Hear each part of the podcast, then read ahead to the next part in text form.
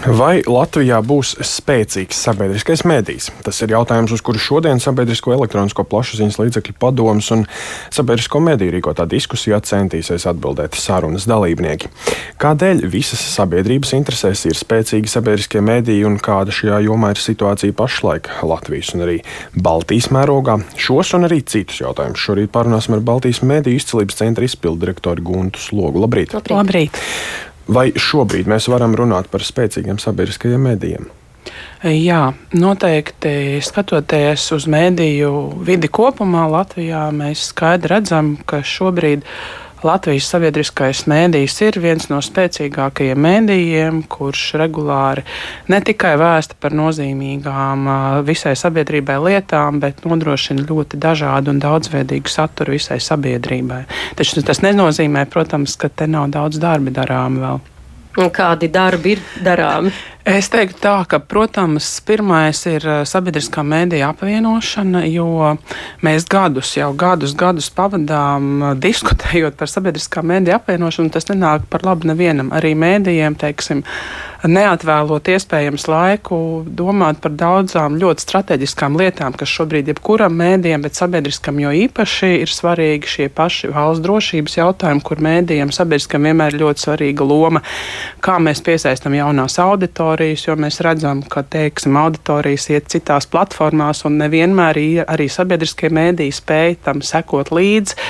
Uh, visas šīs jaunie izaicinājumi, kas visai sabiedrībai kopumā ar tehnoloģijām, kā piemēram mākslīgais intelekts, kur, protams, uh, teiksim, vienam uh, augsta līmeņa menedžerim radio televīzijā būtu jādomā par šīm lietām, nevis kārtējais plāns jālasa par to, kāds būs šis. Un, protams, protams, tas nākamais jautājums ir par finansējumu, jo kamēr mēs nesakārtojam to mediju sistēmu, mēs arī nevaram sakārtot to finansējumu. Tātad mediju, sabiedrisko mediju apvienošana varētu risināt daudzus šos izaicinājumus. es teikšu tā, ka, protams, ne jau tā, ka pat tā apvienošana atrisināt. Mēs vienkārši, teiksim, pirmkārt, noteikti es uzskatu, ka dažbrīd tiek konfrontēti mēdīji, sabiedriskie politiķi, naudas devēji šajā apvienošanas procesā, bet te jau būtu jābūt tiešām beidzot visiem jāvienojas, ka mums tas ir jāizdara un tādā nopietnā dialogā. Es neteiktu, tas ir vienīgais jautājums. Es teiktu, ka vienkārši šobrīd ir tāda situācija, ka tā apvienošana gadiem ilgst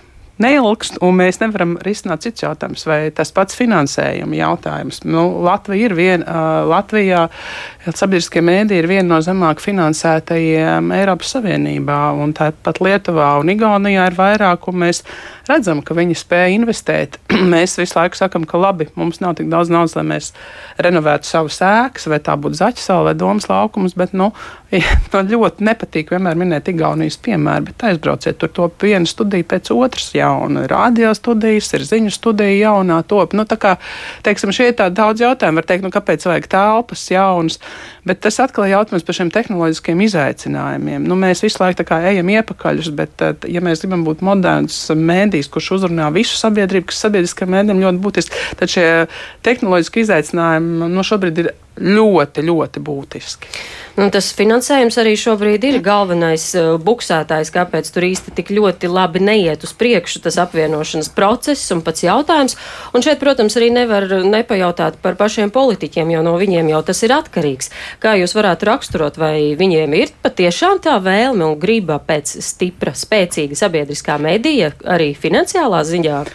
Pirmkārt, protams, mēs redzam, ka Man liekas, mums ir daudz nozares. Mēs redzam, ir skolotāji, kur ir spiesti iet ielās, mēs redzam mediķi, un es domāju, ka šeit ir vēl viena nozara, kas tiek atstāta novārtā. Bet, protams, man dažkārt arī rodas šis jautājums, tāpat kā jums, un, protams, man nav pierādījumi, man ir tikai pieņēmumi, bet man arī ir šī sajūta dažkārt, ka patiesībā ir ievērti, ka ir novājināts mēdījis, jo kas ir galvenais mēdīju uzdevums? Mēdīju galvenais uzdevums būtu sarksunim. Un tā tad ir tāds sarksuns ar tādiem drusciņi ne īpaši asiem zobiem. Un, nu, ir, ir jau ok, kaut ko viņš tur dara, bet, bet nu, tā, ka teiksim, mums būtu šī ambīcija, ka mēs viņu nostiprinām, ka mēs arī domājam šais valsts drošības interesēs. Tiešām tas, ko mēs arī redzam, šī dezinformācija, kas joprojām ir spēcīga daļā sabiedrības, un tā vietā, lai domātu, kā mēs vēl vairāk investējam sabiedriskajos mēdījos, protams, primāri un,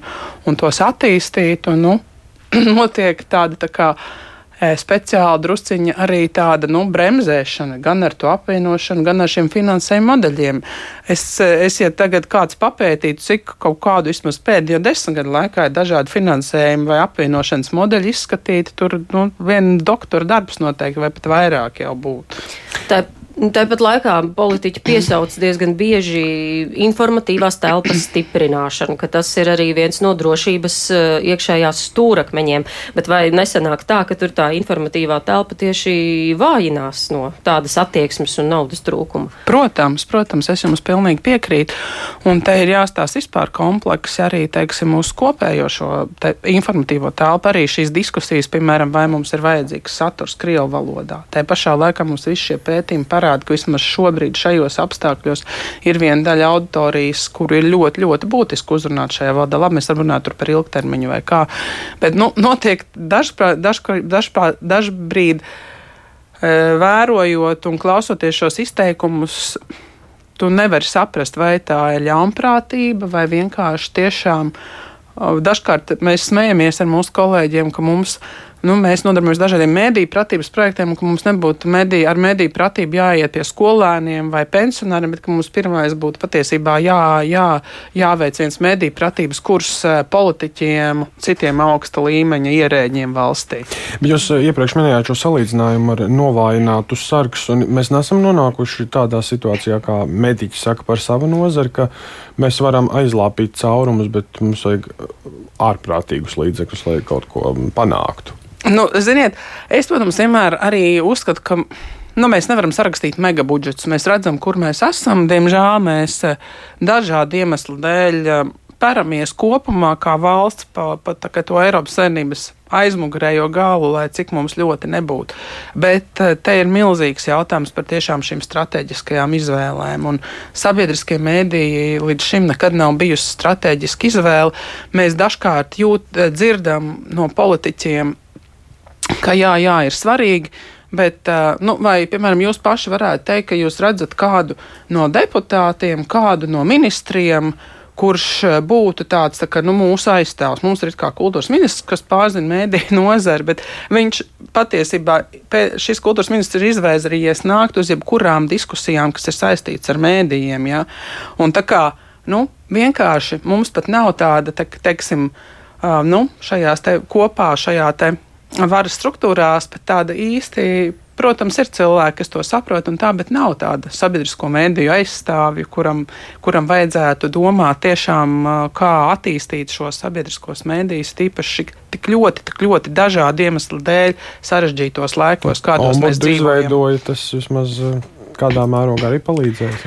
Es teikšu, jā, ir, protams, ombuds, ir tāpat, ja mēs skatāmies mēdī ētikas padomu, kas darbojas šī pašregulācijas institūcija. Tā kā, protams, es arī esmu optimists un es vienmēr saku, ka nav jau viss tik slikti. Un, manuprāt, arī ļoti svarīgi, ir šādi mēdī pašregulācijas mehānismi, jo ir skaidrs, ka mēdījiem arī ir ļoti liela atbildība.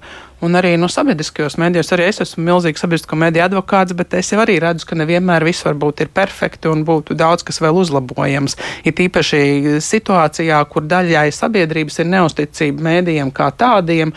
Un mēdījiem noteikti būtu vairāk arī vispār jāskaidro, ko viņi paši dara, kāpēc viņi šeit ir. Un tāpēc, piemēram, tāds ombuds arī ļoti svarīgs, kurš pilda šo funkciju daļēji.